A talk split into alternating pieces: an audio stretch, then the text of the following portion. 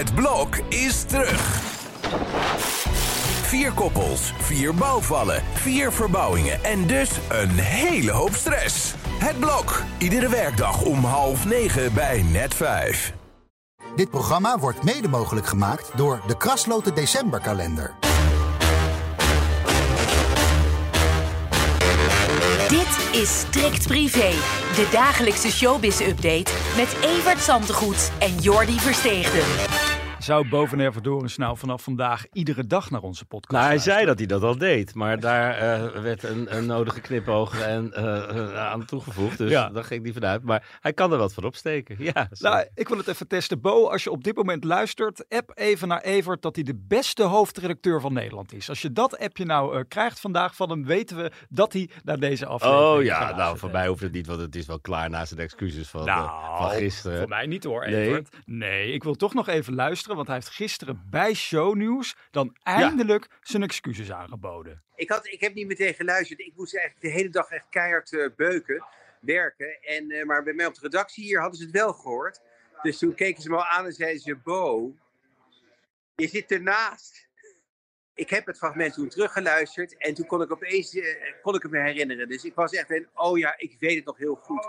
Het was inderdaad helemaal niet 27 september zoals ik dacht. Aan het einde van de RTL-seizoenspresentatie. maar het was gewoon eh, op een vernissage. Dus de opening van een tentoonstelling van een kunstenares. Waar ik deze journalist heb gesproken. Gewoon aan een, aan een bar. Ik zie het nog gebeuren. Een hele aardige vent.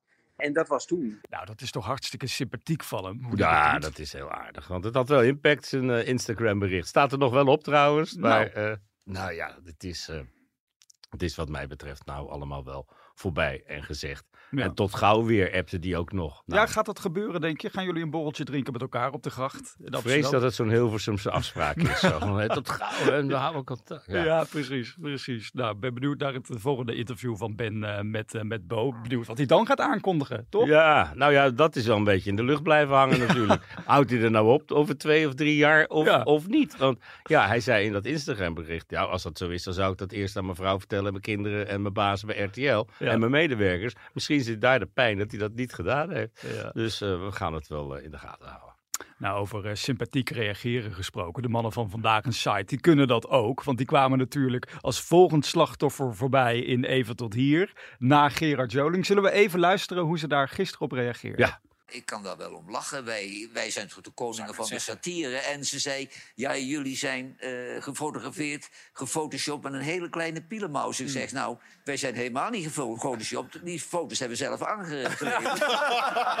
wij zijn heel klein geslapen, geschapen. Het is natuurlijk van de mannen van Even tot hier ook wel slim om het over Vandaag een Site te hebben. Want je weet, je krijgt weer gratis reclame in dat programma. Ja, maar ze hebben zelf meer kijkers nog dan vandaag is site. Dus dat Ja. zal de overweging niet geweest zijn. Alleen ja, als je in het nieuws bent en regelmatig spraakmakend, dan kom je voorbij en even tot hier. Ja. Dus eh, nou, het is, eh, het, is, het is allemaal wel... eh, ik vond even tot hier afgelopen weekend trouwens wel weer eh, erg leuk. Absoluut. Op dat laatste na die verkiezingen van die alle, dat begreep ik niet helemaal. Maar Ja, met. Het duurde heel lang. Ja, klopt inderdaad. Ze hebben wel eens leukere eindes eh, gehad. En Nou, het begon ook al met dat je dat stembiljet niet in de, in de gleuf kreeg. Nou, mijn moeder van 88 lukt dat nog. omdat- dus, Nou, mijn partner die is voorzitter geweest van de stembureau. En die heeft echt gezegd, sommige mensen die proppen gewoon hun stembiljetje op. En die pleuren dat zo in Nou, die dan gleuf. weet je in ieder geval dat, op welke partij ze... Want als je gewoon op de eerste vijf stemt, dan, eh, dan hoeft dat niet hoor. Het zou zomaar eens kunnen dat Jan Smit het volgende slachtoffer is in Even tot hier komende zaterdag. Want Het zit er wel in, want ze Nou. houden van voetbal daar. En Ja. ze houden van eh, intriges. Nou, die zijn er genoeg in Volendam. want we denken allemaal dat dat zo'n leuk, gezellig, lief dorp is zoals de Smurfen, ongeveer. Maar er staat een dijk omheen. En wat daar allemaal gebeurt, dat blijft achter die dijk. Maar Ja. daar zijn genoeg kampen en jaloezie en, en eh, geroddel over elkaar. Om eh, dat ongeveer bij het aan te dragen als verklaring waarom Jan Smit niet zo goed ligt bij die club. En dat hij zijn tienjarig jubileum als voorzitter niet mag halen. Dat is daarvan wel een veeg teken. Maar je zag ook gisteren, hij nam de vlucht naar voren, Jan, door nu al te zeggen van ik word waarschijnlijk donderdag ontslagen. Dat deed Ja. hij goed. En echt tal van BN'ers reageerden heel sympathiek van joh Jan, jij hebt die club weer hè, gebracht naar waar die nu is. Spelen in de Nou ja, Eredivisie. en als je dan ziet op welke leeftijd, als hij dat nu al- inderdaad al tien jaar is, dan was Ja. hij dat dus rond zijn dertigste. Ja. Dat vind ik wel knap. wat gaat hij dan nu doen? Want hij heeft in één keer zeeën van tijd over. Hij stak er nogal belangeloos nota bene heel veel tijd en, en geld in, eigen geld. Ja, nou ja, hij kan zijn uh, carrière weer oppakken, zou ik zeggen. Volgens mij treedt hij niet heel veel op. Nee. Zijn laatste album, uh, Boven Jan, dat liet ook niet echt zien dat hij boven Jan was. Mm -hmm. Maar uh, ja, in principe is hij zanger en uh, kan hij zijn dagen wel vullen, toch? Nou ja, aan de andere kant, uh, Volendam is klein. ik, ik kan Hoeft niet alleen in Volendam op te treden. Oh nee, nee. hij kan ook naar Helmond. Toch? Ja, Wat zeker. dat betreft, ik zou Ja. daar graag een keer willen verwelkomen hoor, inderdaad. En we hebben onlangs nog die serie van hem gehad bij de Avro Tros, waar zoveel kritiek ook op kwam, omdat er weinig mensen naar keken over FC Volendam. Ja. Nou, die had er dan ook niet hoeven te komen. Nee, die wordt nu net spannend.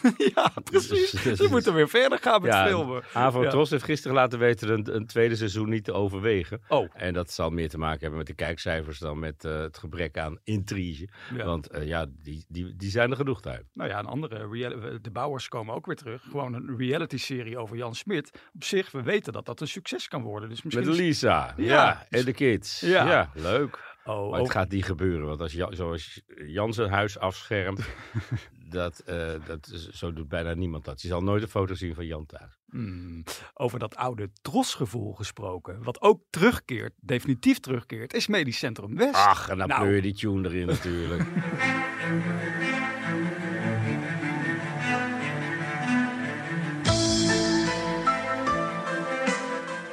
Ah, dit roept toch weer heerlijk die herinnering Wat op. fantastische muziek, hè? geschreven door Robert Strating, helaas al in 2011 overleden. Hmm. En eh, ja, ik denk niet dat je die serie kan gaan maken zonder deze iconische muziek. Want wat ik gisteren bij Shownieuws zei, van, het begon en dan dacht je, oh ja, door die muziek kwam je er al helemaal in. Ja. En dan tegen het einde, een van de scène, daar kwam langzaam dat muziekje erin. En dan baalde je dat het alweer afgelopen was.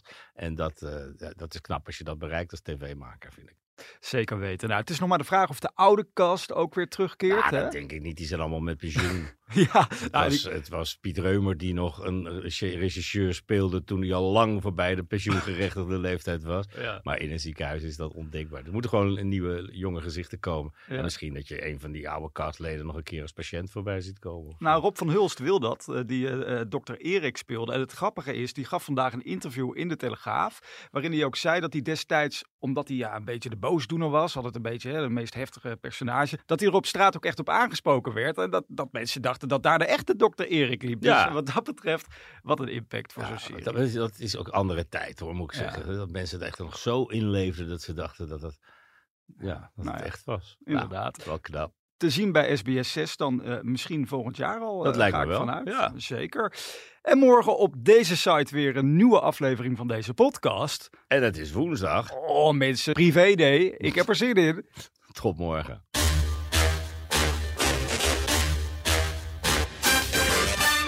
Dit programma werd mede mogelijk gemaakt door de Krasloten Decemberkalender.